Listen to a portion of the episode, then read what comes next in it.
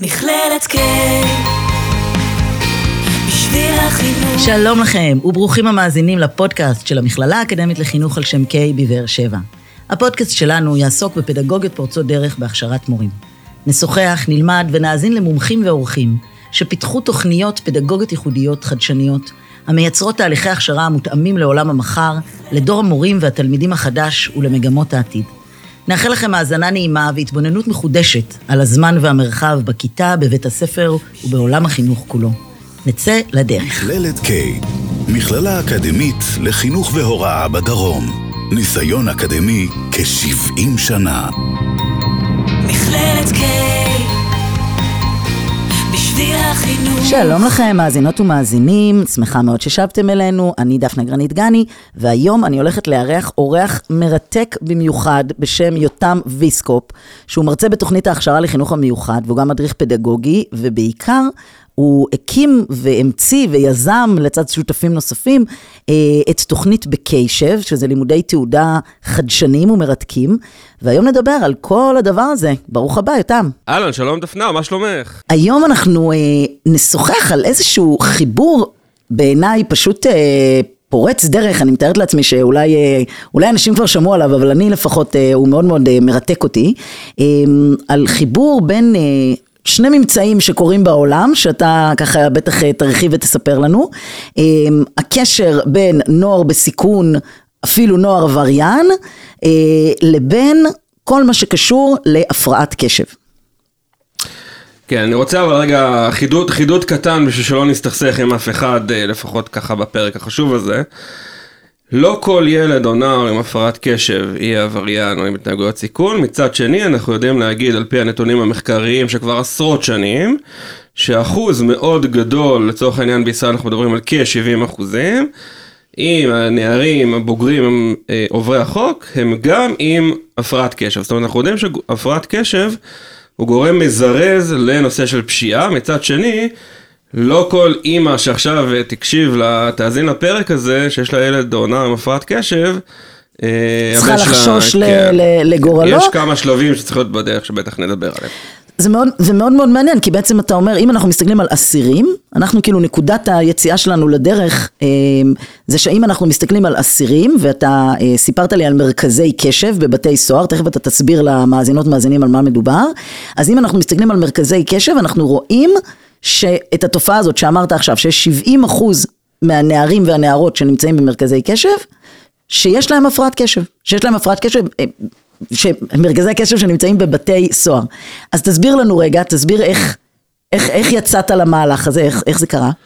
אז אה, אוקיי, אז את רוצה שאנחנו נתחיל קודם כל בנושא של מרכזי הקשב. אז אני קצת מייצג פה את עצמי, אבל אנחנו כן נגיד ששירות בתי הסוהר, שאני לא חלק משירות בתי הסוהר, מאוד מעריך את העבודה שלהם, אבל הקימו אה, מרכזי קשב במספר בתי סוהר, זאת אומרת הם מוצאים את הקשר בין הנושא של אסירים, עוברי חוק, אה, פשיעה להפרעת קשב, ומקימים תוכנית מדהימה לדעתי. אה, של מרכזי הקשב, שזה בעצם מספר חודשים שהאסירים, אה, גם קטינים, גם בגירים, עוברים תהליך ממוקד לנושא של התפקודים הניהוליים, של הכרה של הפרעת הקשב, תהליך אימוני, תהליך אה, למידה מאוד מאוד משמעותי, אה, ובעצם יוצאים לתהליך אחר כך שמצאו, שרמת המסוגלות שלהם עלתה בצורה משמעותית, אבל הערך, הדימוי העצמי, אה, כמעט ולא לא, לא, לא השתפר.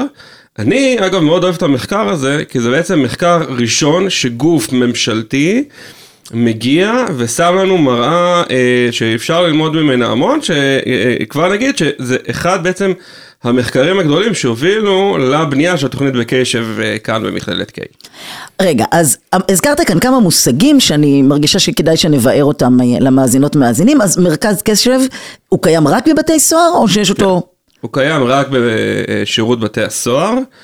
אה, אני, אה, מהיכרותי את השטח, לא מכיר מרכזים בקהילה אה, שעוסקים, אני מכיר הרבה מרכזים עסקיים שעושים, זאת אומרת שבסוף אם יש להורה יכולת לממן אז הוא יממן את זה, אבל מקומות קהילתיים אני לא, אני לא מכיר בארץ. שזה בעצם אה, מקום שמשקיע את המשאבים הנדרשים לטפל באסירים עם הפרעת קשב, אה, והזכרת כאן עוד מושג אחד מאוד מעניין, על, אה, קראת לזה הפרעה ביצועית. בוא תסביר לנו מה הכוונה הפרעה ביצועית. כן, יש איזשהו קו שאני מנסה כבר הרבה שנים אה, להוביל אותו, שאנחנו צריכים להבין שהפרעת קשב היא לא הפרעה רגשית, היא הפרעה ביצועית.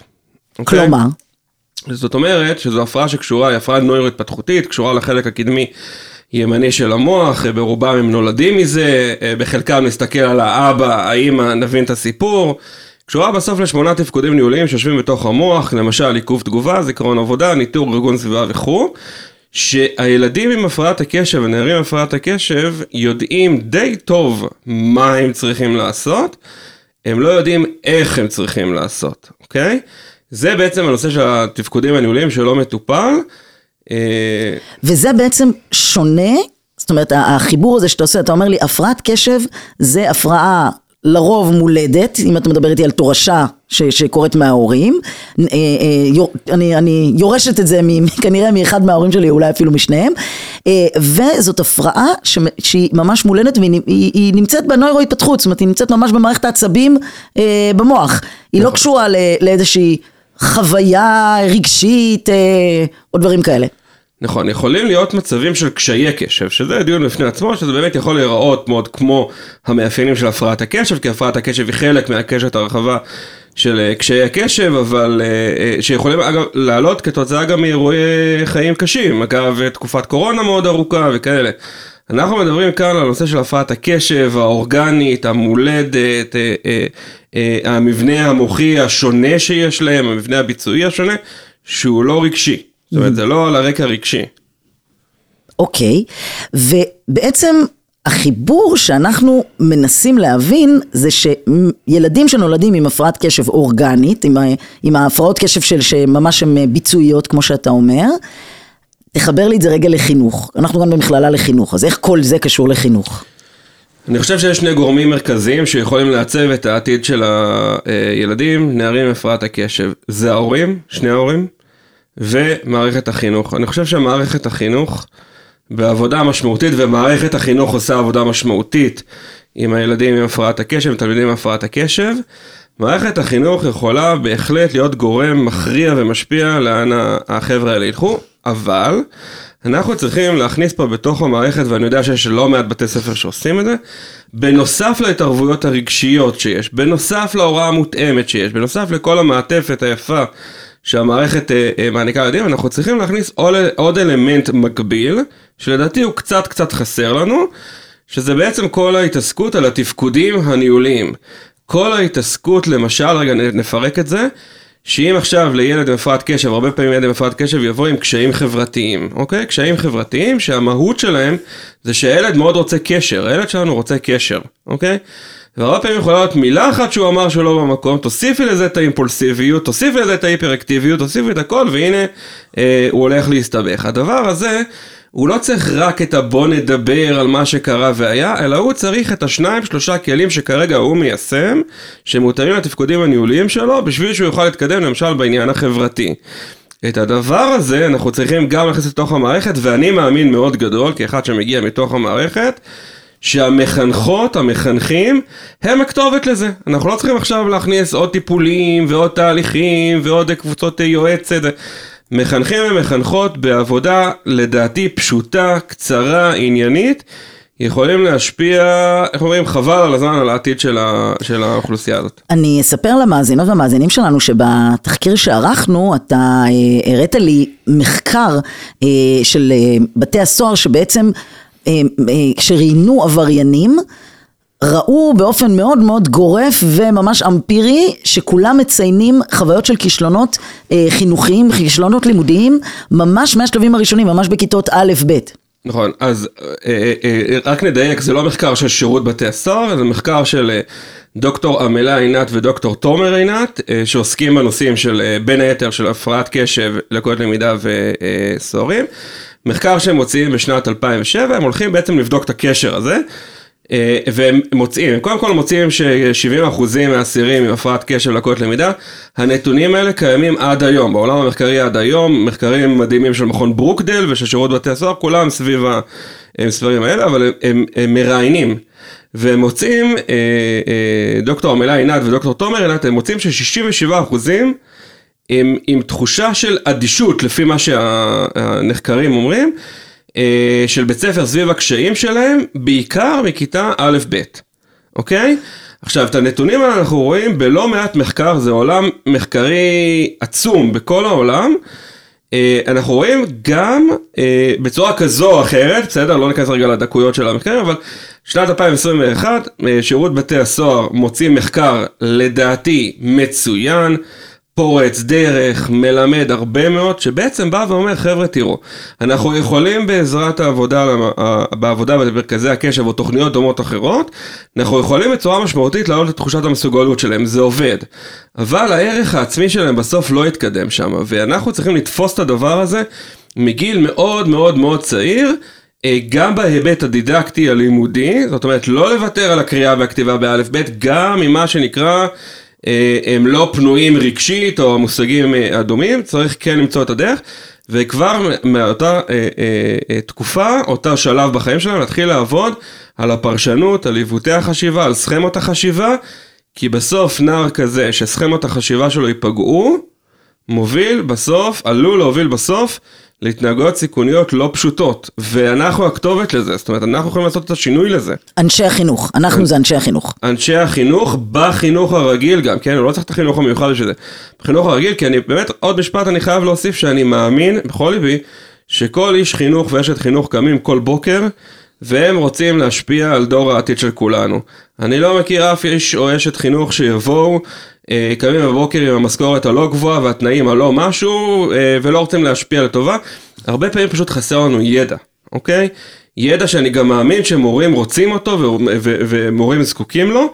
אה, אגב, את מכירה את המושג ידע זה כוח? בהחלט. הוא מושג מאוד מתסכל, והוא גם נראה לי מושג לא נכון. למה? כי ידע הוא כוח אם אתה יודע מה לעשות איתו. אם אתה לא יודע מה לעשות איתו, נורא מתסכל. ואז, אם אני רגע נכנס רגע לכובע של המורים, שבאמת אני חושב שמציפים אותם הרבה פעמים בידע, אנחנו צריכים לקחת את הידע הזה ופשוט למקד את זה פר התלמידים. ואז המורה, גם יש לו הרבה מאוד מה לעשות עם זה, כי באמת הם רוצים את הכי טוב עבור התלמידים. אוקיי, okay, אז כבר ככה, ישר אה, אה, העברת אותנו לנדבך הבא, שזה בעצם אה, אה, אה, סוגיית הפתרונות. זאת אומרת, אנחנו רואים את הבעיה, אנחנו רואים את זה שגם מתחושת אדישות ועד חוסר הצלחה ועד דימוי עצמי נמוך ועד באמת אה, אה, כל הדבר הזה ממש נשען על הפרעה אה, נוירו-התפתחותית ממש מוגדרת ו, ו, ועכשיו אנחנו מדברים על הפתרונות. אז פתרון אחד שאתה מדבר ברמת המורים זה בעצם לספק להם מידע ומיומנויות וכלים איך ללמד את התלמידים מהם התפקודים הניהוליים הנכונים. פתרון אחר? בוא נשאר גם בפתרון הזה, okay. אבל אוקיי. בצורה אופרטיבית, ממוקדת, לא להעמיס עליהם. לא את התיאוריה, אלא את היישום, וגם עדיף פר תלמיד. זאת אומרת, אולי תיתן לנו דוגמה, לעשות, אולי תיתן לנו דוגמה. שהם יודעים בעצם מה לעשות עם אותו התלמיד. עכשיו, אם אני רגע אקח דוגמה, אה, אם אני כרגע אה, אה, לוקח תלמיד עם בעיה של עיכוב תגובה. בסדר? מה זה עיכוב תגובה? תגובה זה היכולת של השנייה, שבריר השנייה של המוח, לעצור את ההתנהלות שלי. שבן אדם תיאורטית בלי הפרעת קשב אמור לעשות את זה לבד, זאת אומרת העיניים קלטו, המוח קלט, נכנס, קודד, אני יוצר, בסדר? שזה תהליך של איפוק, שנייה. איפוק, איפוק. איפוק, אוקיי? זה לא יעזור אם אני עכשיו אבוא לאותו ילד ואני אגיד לו, תשים לב, תהיה מאופק ותראה מה המחירים. הוא יודע את זה מצוין, תזכרי, הם יודעים את המה מעולה.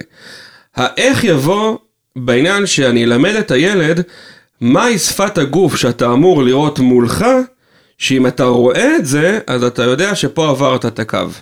ופה אתה צריך לעצור, ועכשיו אני אעשה איתו משחקי תפקידים שלמים, שאגב, כמה זמן בערך אנחנו צריכים בשביל להטמיע כלי במוח של ילד כזה? בערך חודש וחצי של עבודה יומיומית. יומיומית, אם ניכנס רגע לאולי אה, נדבך נוסף שכדאי לעשות, זה יומיומי אבל גם בשיתוף עם ההורים, זאת אומרת הוא צריך לראות את כל הסביבה שלו, משדר את מה שנקרא באותו הגל. לא שהמטפלת הרגשית משדרת X והמורה Y והבית ספר והבית Z וכל אחד. כולם צריכים להיות, אנחנו קוראים לזה התערבות רב מערכתית. אותה תוכנית, אותה שפה, אותה מיומנויות, כולם באותו, באותה התוכנית. כן, אז עכשיו רגע אני רוצה רגע... עשיתי לך בלאגן. לא, הפרעת קשב? אני, אני, אני אעזור רגע אה, לדייק פה את הדבר. אתה בעצם מדבר על שלושה סוגים של פתרונות. פתרון אחד זה ממש ללמד את הילד במהלך אה, ארוך טווח ומשמעותי. אה, אה, פתרונות אחרים לבעיות. זאת אומרת, הוא יודע... מה הוא צריך לעשות, הוא לא יודע איך, הוא עכשיו מאוד מאוד כועס כי לקחו לו, נגעו לו, עשו לו משהו ובמקום להתאפק עם ההתפרצות זעם ועם האנרגיה שנובעת מתוכו, אני צריכה ממש ללמד אותו, לנשום, לשתות מים כפי שהסברת לי, אה, לספור שלוש נשימות, להתרחק מהמקום, לזה אתה קורא איפוק. היבט נוסף שאתה מדבר עליו זה להכשיר את המורים, זאת אומרת לייצר מהלך שבו אני בעצם מלמדת את המורות והמורים מה זה תפקודים ניהוליים, איך אני יכולה, איך בתור מורה אני מלמדת, את, מלמדת אותה, כאילו מה היא צריכה לעשות כשהיא נתקלת בילד כזה, איך היא מלמדת בעצם את הילד את הכלים והמיומנויות האלה של התפקודים הניהוליים החדשים, האלטרנטיביים. והדבר השלישי שאתה מדבר עליו, זה כל ההיבט של עבודה רב מערכתית. שאתה אומר לי, גם המטפלת לאומנות וגם המטפל בסוסים וגם האימא וגם המחנכת, אם כולם וגם ידברו... האבא. וכמובן גם אבא. אם כולם ידברו באותה שפה ובאותם כלים, אולי זה יוביל אותנו להצלחה. אני רוצה להוריד את המילה אולי, להחליף אותה לבטוח, זה בטוח יוביל להצלחה, זה לא אמור לא לעבוד הדבר הזה, כל עוד באמת אה, כולם עובדים בשיתוף פעולה, כולם אה, עובדים ביחד. אני כן רוצה להגיד שזה לא דורש הרבה מאוד מהמחנכת, אוקיי? זה גם לא דורש הרבה מאוד מההורים. גם ככה אנחנו משקיעים את הזמן, גם ככה אנחנו שם, גם ככה אנחנו עושים את העבודה, בואו פשוט נעשה אותה בצורה שהיא אה, מותאמת ולא תיאורטית. עכשיו, באיך אני הייתי עושה את זה? תראי, מאחורי רוב הילדים האלה יש אנשי מקצוע כאלה או אחרים שעובדים איתם. חלקם אנחנו אוהבים יותר, חלקם פחות, יש שם אנשי מקצוע שקשורים. לא צריך להמציא את הגלגל מחדש. אנחנו צריכים בעצם לשבת מסביב לשולחן העגול, כל גורמי המקצוע שקשורים לילד הזה, ולהחליט על מודל אחד של איך אחד משתף את השני. אני אתן רגע דוגמה. אם אני נגיד עכשיו עובד עם אה, ילד, בואי נשאר על האיפוק, בסדר? בואי נשאר על העיכוב תגובה. אני עובד איתו ואצלי בקליניקה זה עובד מדהים. למה? כי תמיד באחד על אחד עם חבר'ה כאלה זה יעבוד מדהים, כל עוד אין קהל, הכל עובד יפה. אם אני עכשיו לא אקח את הכלי הזה ואני אתן אותו למחנכת בצורה אופרטיבית איך היא עושה את זה, אה, הילד לא יבוא ויגיד, תקשיבי המחנכת, בוקר טוב, מה שלומך, למדתי כלי X, זה לא יקרה במציאות.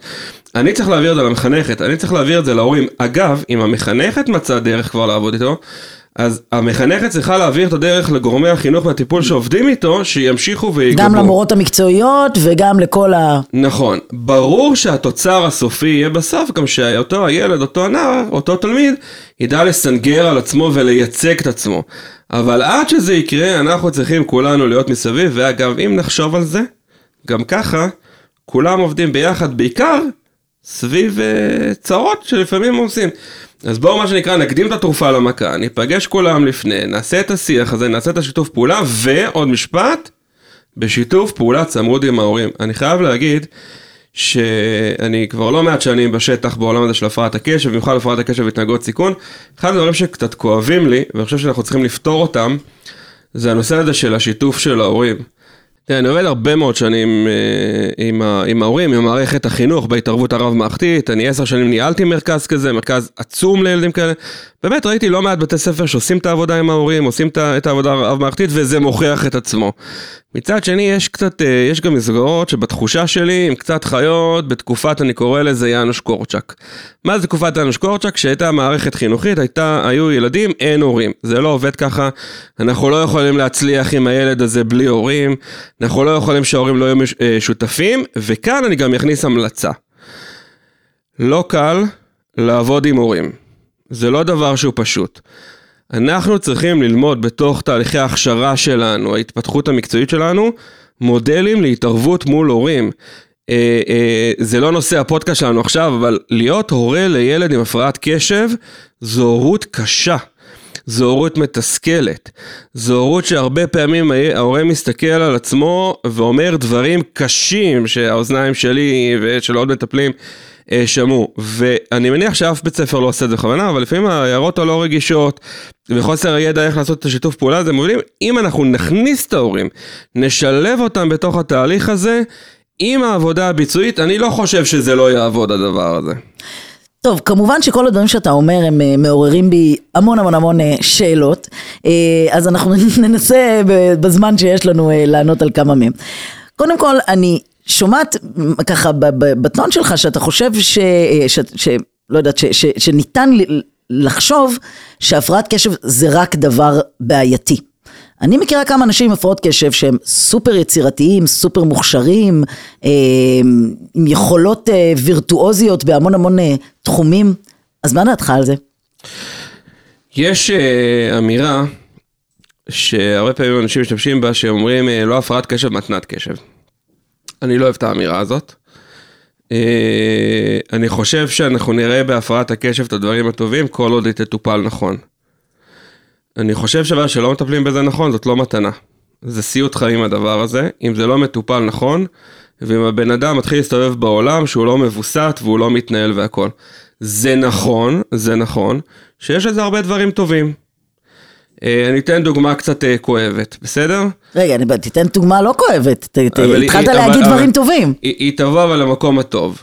נער עכשיו, בוא נלך רגע לנערים עוברי חוק עם הפרעת קשב ונלך לקיצון, בסדר? נער שלמשל, אה, הוא סוחר בסמים, בסדר? אנחנו מאוד אה, רואים את זה. אה, אם רגע ננתק את הנושא של הסוחר, תקשיבי, לסחור בסמים זו מנהיגות. אוקיי? זה לא דבר אה, פשוט, אני לא יודע כמה ניסיון יש לך עם זה, אבל זה לא דבר פשוט. זאת אומרת, תזקקי רגע את העבירה של הדבר, זו מנהיגות, זה לייצר את הקשר, זה לרתום, זה למכור, זה לשכנע והכל. את אותו סחר אנחנו יכולים לקחת לעולם השיווק, לעולם המעצים, שם אני אראה את ההצלחה. אגב, אה, נערים עם הפרעת, ילדים נערים עם הפרעת קשב הם מנהיגים. בסדר? הפרעת קשב כמעט, תבוא, כמעט תמיד תבוא עם מנהיגות. הרבה פעמים המנהיגות הזאת הולכת למקום השלילי. אם אנחנו לא נעשה מעשים אה, אופרטיביים, אה, אה, ביצועיים, להוביל אותם למקום המנהיגותי החיובי, זה לא יקרה מעצמו. אז זה באמת דבר כל כך מרתק מה שאתה אומר, באמת גם מהניסיון שלי אה, ב- ב- בעבודה כמנהלת בית ספר, אה, נתקלתי בהרבה מאוד ילדים שבאמת ממש ראיתי את זה, זאת אומרת ראיתי אה, מצד אחד את ההפרעת קשב ואת הצורך שלהם בטיפול תרופתי, שתכף אני אשאל אותך גם על זה, ומן העבר השני ממש ראיתי יכולות מנהיגות בולטות, היכולת שלהם מה שנקרא, לארגן את כל הליגה של כל הבית ספר, לארגן את כולם, לחלק לקבוצות, אה, זיהוי, זיהוי של אה, ממש אה, אינטליגנציה רגשית ובין אישית, זיהוי של, של קבוצות הכוח ו, ולדעת עם מי לעבוד ויצירת לובי, ממש ממש. נכון, יש להם את זה, אבל אני רוצה להתחבר למה שאת אומרת מעוד כיוון. אני רואה לא מעט שאומרים בואו ניקח את התכונות החיוביות ובואו נעצים אותן. בואו נעצור רגע בשלב הזה. ואני תמיד אומר, בתור, גם בתוך המקום שאני ניהלתי אותו וגם בפרויקטים שאני מוביל היום, את הדברים הטובים, אל תדאגי, הוא יעשה איתך ובלעדייך. הכל בסדר, הוא ימצא את הדרך איך לעשות את זה. לא יודעת, לא בטוחה. שנייה, רגע. אני רוצה שדווקא ניקח את הדברים הפחות טובים, ונראה איך אנחנו אותם מקדמים, בסדר? כי שם הוא צריך אותנו. הוא צריך אותנו במקומות שבסוף הוא נופל. עכשיו, איך אני, איך אני רגע ממחיש את זה בבית ספר? במקום שאנחנו נבוא ונגיד לו, טוב, לא נורא, כרגע אתה לא פנוי לכתיבה ולקריאה, בוא נוריד, בוא, אתה יכול להשלים את הזה, בוא כרגע ניקח אותך סתם, לצורך הדיון, כן? למועצת תלמידים ונעצים אותך משם, אז, אז לא, זה לא מחליף. בוא ניקח אותך למועצת תלמידים ונעצים אותך שם.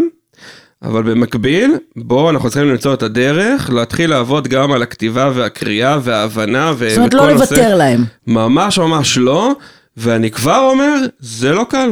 זה לא קל, ככל שהילדים האלה יותר גדלים, סכמות החשיבה מתפתחות, עיוותי החשיבה והכל, זה לא קל. זאת אומרת, אם בסוף הוא יאמין עם עצמו שהדבר הזה לא יעבוד, זה לא דבר שהוא קל. ועדיין, זה אפשרי.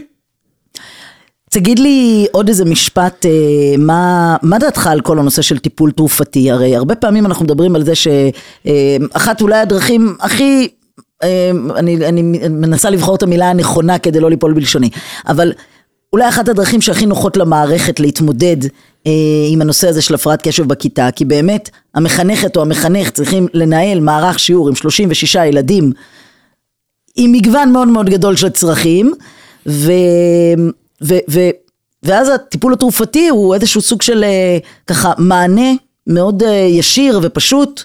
מה דעתך על הנושא הזה? תראה, אני לא רופא, למרות שאני הרבה פעמים אוהב להגיד שאנשי חינוך הם אה, רופאים לכל דבר ועניין, הם רופאים, פסיכיאטרים, פסיכולוגים, הורים, הם הכל. אני לא רופא, אני חושב שכל הורה שיעשה מה שנראה לו לנכון, כל עוד באמת תהליך הערכה היה נכון והיה מקצועי, וזה עניין בסוף של אותו הורה מול רופא. מה שאני כן רוצה להגיד על העניין הזה, זה שאם אנחנו נפתח את העלון לצרכן של ריטלין, קונצרטה, אדרל, סטרטרה, התרופות לנושא של הפרעת הקשב, אנחנו נראה שורה שביעית מלמעלה, את הכיתוב הבא. פעילות רפואית, נקודותיים, לטיפול בהפרעת קשב, ADHD, כחלק מתוכנית חינוכית שכוללת טיפול פסיכולוגי, סוציאלי, חינוכי. למה מתכוון המשורר? המשורר מתכוון לזה שהטיפול התרופתי הוא חלק ממכלול שלם של התערבות.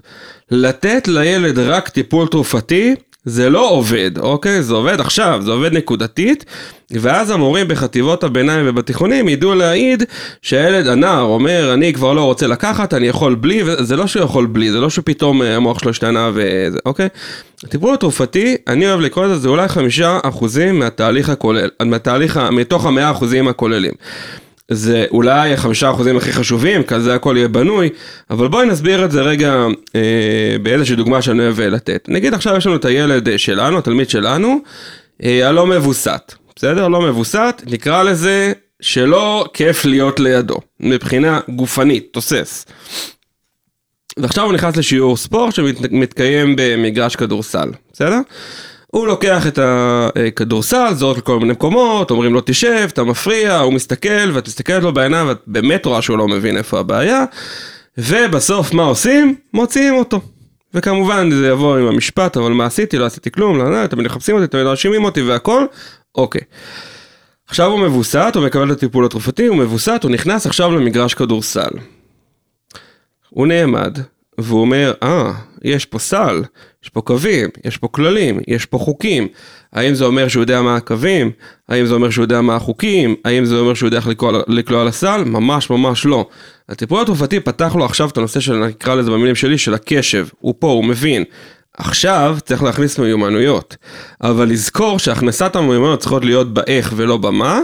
ושהן יושבות הרבה פעמים על הנושא של בסוף את עיוותי החשיבה, סכמות החשיבה, אמונות הליבה, כל הנושאים האלה אי אפשר לקחת לו מהראש, זאת אומרת אם הוא מאמין שהוא כישלון ויש סיפורים קשים של נערים שאנחנו שומעים, אחד הכלים יהיה להתחיל להעלות את הערך העצמי. אוקיי, אגב ערך עצמי אנחנו מעלים בעזרת הצלחות, שאפשר להחזיק אותם ביד. מה זה הצלחה שאפשר להחזיק ביד? מבחן למשל. מה זה הצלחה שאפשר להחזיק ביד? מכתב שהוא קיבל. הצלחה אנחנו לא מעלים רק בעידוד, עידוד uh, מילולי.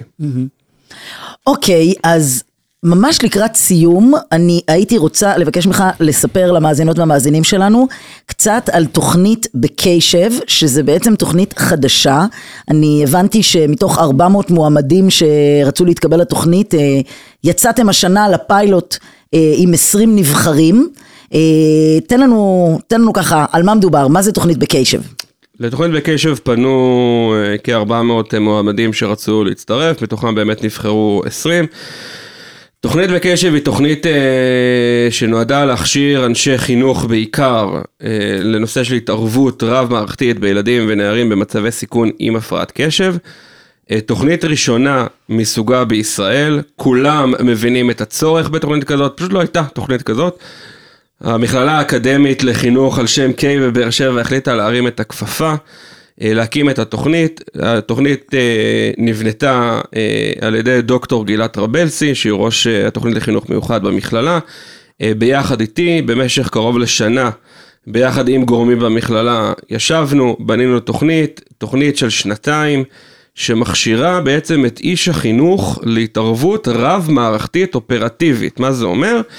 לומדים את הנושא של הפרעת הקשב והתנהגויות סיכון, לומדים את העבודה עם ההורים, לומדים את העבודה עם הקהילה, לומדים את העבודה עם הילד, ולומדים את ההתערבות האופרטיבית בין הכל, זאת אומרת, התוכנית הרב-מערכתית, בסוף התוכנית, ואני חושב שזה השוס של התוכנית, אה, בסמסטר האחרון כל אה, חלוץ, אנחנו קוראים לזה, חלוץ וחלוצה. כל משתתף בתוכנית. כל משתתף, הולך להקים תוכנית במקום העבודה שלו. שהתוכנית צריכה לתת מענה לנושא של הפרעת קשב והתנהגויות סיכון. Mm-hmm. כן, אבל זו תוכנית שההשפעה צריכה להיות ברמה לאומית. זאת אומרת, נעשה חישוב, בעוד שנתיים אנחנו עם 20 תוכניות לאומיות.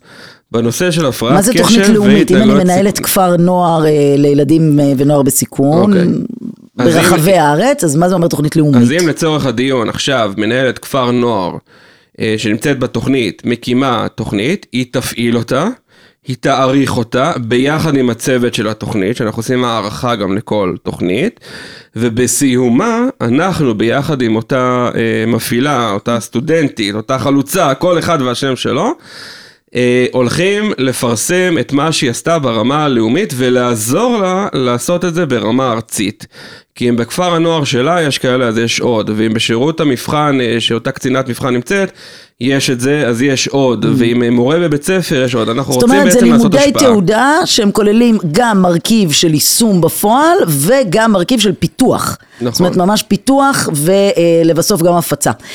אה, יותם ויסקופ, אה, ממש ממש אה, רותקתי מהפרק שלנו, אני מאוד מאוד מודה לך על הזמן והמחשבות והאנרגיה. אה, אני רוצה להגיד שאם אה, אנשים אה, רוצים עוד ללמוד ולהעמיק, כיצד הם יכולים להגיע, מה, מה, מה הם צריכים לכתוב בגוגל כדי לקבל עוד מכל הידע הזה? או שהם כותבים את השם שלי בגוגל יותם וייסקופ ונכנסים לאתר ורואים, על תוכנית בקשב יש את האתר של המכללה, שהכל כתוב, אני אוסיף אבל משפט לסיום ברשותך. אני אשמח אם אה, מה שאנשים יקחו מהפרק החשוב הזה, זה שהפרעת קשב זה לא עוד משהו עם הילד, הפרעת קשב זה אורח החיים של הילד. הדבר הזה הוא הבסיס לכל הטיפול בו, אוקיי? לפני שאנחנו יוצאים לכל מיני מעגלים נוספים של טיפול בו, קודם כל צריך לטפל בנושא הזה של הקשב, של המוח של הילד, שהוא בעצם אחר כך משליך אה, לכל תחומי חייו. והדבר אפשרי, אוקיי? הדבר אפשרי, יש הרבה מאוד סיפורי הצלחה. אה, אנחנו אנשי החינוך, שם, אה, בשביל לעשות את העבודה, בשביל לעזור, עוד קצת ידע, עוד קצת כלים, ואנחנו יוצרים פה מהפכה. וואו, תודה רבה רבה לך. אני רוצה גם להודות לחגי גלילי, העורך שלנו באולפן, וגם למרכז אדם, אשר על ההקלטה באולפן. תודה לכם מאזינות ומאזינים. כל טוב ובהצלחה. מכללת K בשביל החינוך מכללת K. בשביל החינוך.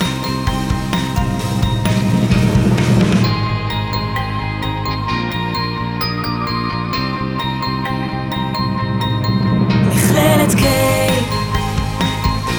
בשביל החינוך